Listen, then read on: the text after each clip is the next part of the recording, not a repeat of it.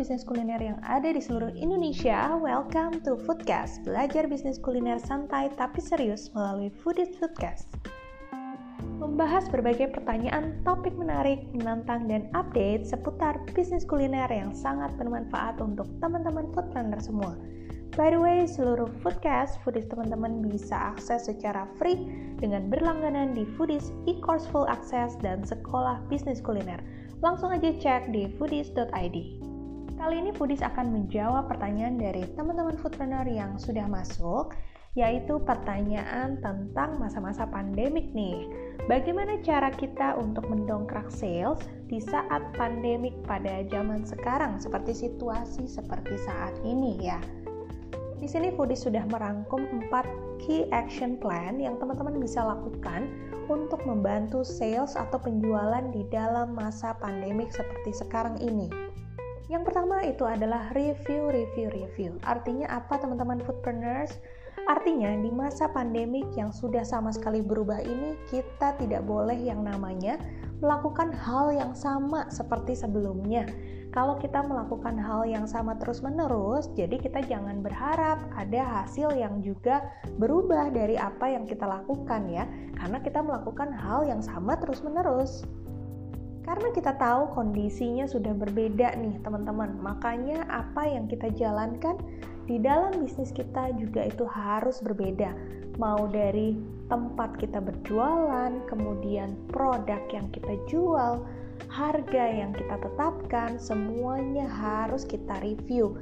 Kalau teman-teman selama satu setengah tahun ini ya sampai dua tahun ya mengalami masa uh, penyesuaian terhadap pandemik, tapi belum banyak yang teman-teman ubah. Nah, ini udah waktunya banget teman-teman tidak melakukan hal yang sama terus. Tapi kita harus mulai berani melakukan hal yang berbeda untuk mendapatkan hasil yang berbeda juga. Tiga poin berikutnya ini adalah bisa menjadi inspirasi buat teman-teman melakukan hal yang berbeda. Berbeda dari sisi apanya nih? Nah, kita simak ya. Poin yang kedua itu berkaitan dengan produk. Jadi bukan masalah di tengah pandemik ini teman-teman malahan yang namanya meluncurkan produk baru ya.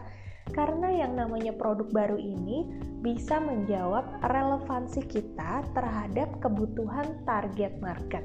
Misalnya nih, target market kita belum tentu harus berubah ya. Jadi target marketnya masih sama. Tapi pada saat sebelum pandemik, dia membutuhkan produk dengan spesifikasi A dengan tipe A ya. Tapi karena pandemik tidak memungkinkan hal tersebut. Jadi dengan target market yang sama, bisa jadi mereka memiliki spesifikasi produk atau tipe produk yang berbeda. Contoh, misalnya kita sama-sama jual nasi rames, tapi pada saat sebelum pandemi, target market kita misalnya orang-orang yang tinggal di daerah kita itu menikmati nasi rames misalnya di tempat makan kita.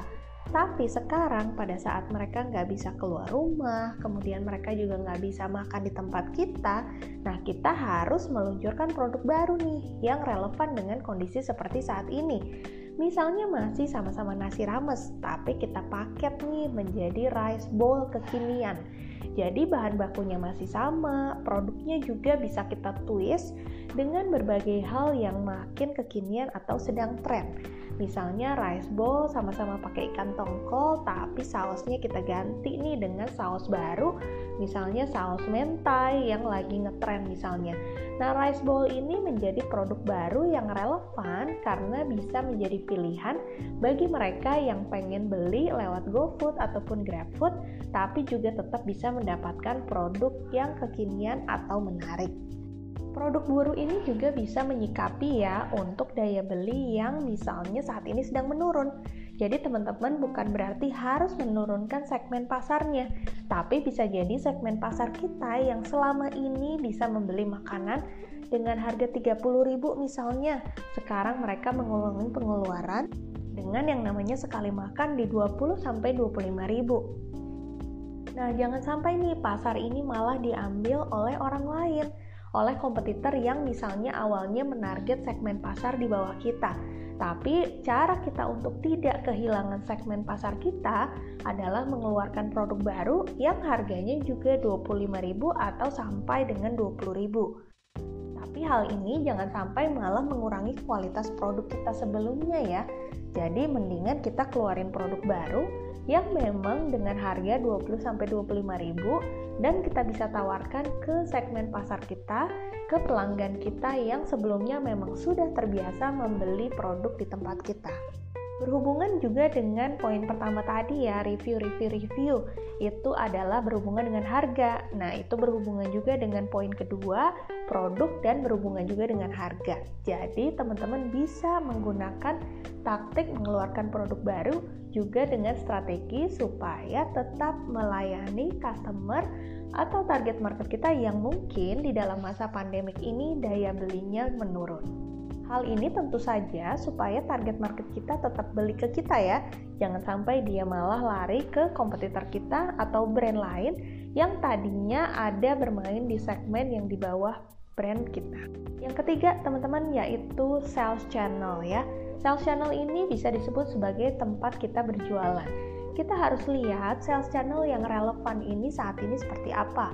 Kalau misalnya sebelumnya kita hanya mengandalkan satu atau dua sales channel yang saat ini sedang tidak berjalan misalnya, karena misalnya outlet kita itu tidak boleh buka, atau misalnya tempat kita di daerah perkantoran atau perumahan, tapi juga orang-orang tidak bisa makan di tempat kita. Nah, itu jangan menjadi hambatan kita jadi berhenti berjualan karena masih banyak sales channel yang bisa kita gunakan untuk kita tetap bisa reach atau menghampiri ya customer kita dan membuat customer kita tetap bisa membeli produk-produk kita. Hanya saja kita perlu melakukan effort lebih atau usaha lebih untuk melakukan setup, mempelajari dan menjalani sales channel sales channel baru. Misalnya yang paling sederhana itu adalah WhatsApp bisnis nih teman-teman karena target market kita biasanya sudah sangat terbiasa ya menggunakan WhatsApp. Jadi pastikan orang-orang yang biasanya membeli customer-customer kita itu pastikan mereka sudah memiliki nomor WhatsApp kita. Nah, kita bisa secara rutin menghubungi mereka, menawarkan produk-produk terbaru dengan paket-paket atau produk dengan harga yang lebih rendah ya, yang lebih terjangkau di masa pandemik ini sehingga kita tetap bisa mempertahankan customer kita melalui sales channel yang baru.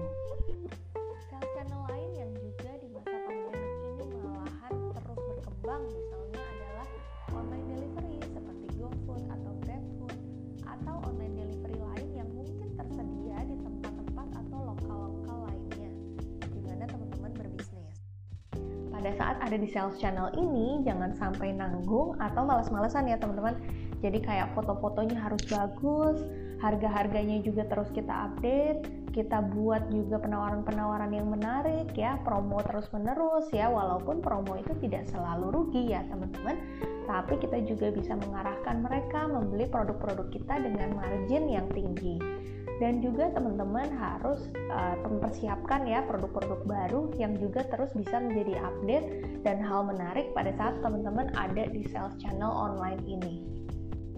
Apakah misalnya produknya bisa dikirim nih ke seluruh Indonesia? Nah, itu bahkan bisa masuk ke sales channel yang lebih luas seperti marketplace atau e-commerce ya sehingga teman-teman tidak hanya memiliki target market yang berjarak tertentu dari lokasi tapi kita juga bisa menggarap pasar di seluruh Indonesia yang jumlahnya sangat besar jadi karena pasarnya sangat besar potensi dan peluangnya pun juga sangat besar dan yang keempat, teman-teman, tips pada saat mengalami masa pandemik ini adalah dengan tidak bosan-bosan melakukan yang namanya promo ya, teman-teman. Jadi aktivitas promo ini tidak selalu harus rugi, tapi promosi ini ya atau paket promo itu harus bisa kita manfaatkan untuk menaikkan average purchase. Jadi jangan sampai kita berpromosi ya mencoret harga gitu ya, menurunkan harga tapi malahan hanya menjual satu produk aja.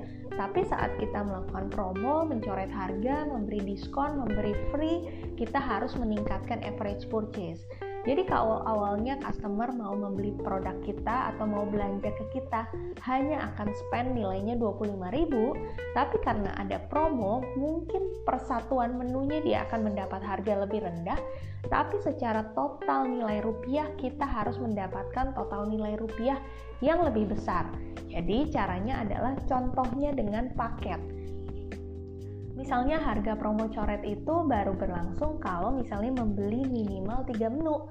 Atau misalnya free minuman kalau mereka membeli minimal 2 menu. Atau misalnya bahkan yang sangat ekstrim teman-teman bisa kasih promo yang besar gitu ya. Tapi mereka harus membeli 5 menu ataupun bahkan 8 menu. Teman-teman bisa lihat ya benchmark beberapa brand bisnis kuliner yang juga secara konsisten melakukan promosi ya teman-teman bisa lihat detailnya. Paket-paket kemudian promo-promonya selalu memanfaatkan supaya customer juga membeli lebih banyak.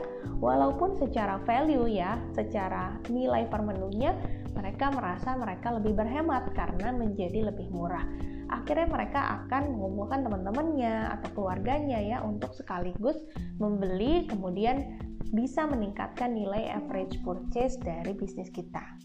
Oke, itu tadi teman-teman 4 tips ya atau key action yang teman-teman bisa lakukan walaupun di masa pandemik seperti saat ini. Walaupun kita punya keterbatasan untuk berjualan dengan cara yang sama seperti saat sebelum pandemik, bukan berarti market kita hilang ya. Jadi kita harus bisa mengetahui cara bagaimana merich atau mengakses ya tetap berkomunikasi dengan target market kita tapi dengan cara yang berbeda ya harapannya teman-teman tetap bisa mempertahankan dan mengembangkan bisnisnya walaupun di masa pandemik seperti sekarang ini Semoga teman-teman bisa mendapatkan inspirasi dan insight dari podcast ini. Stay tune terus di Foodcast, Foodies Podcast berikutnya.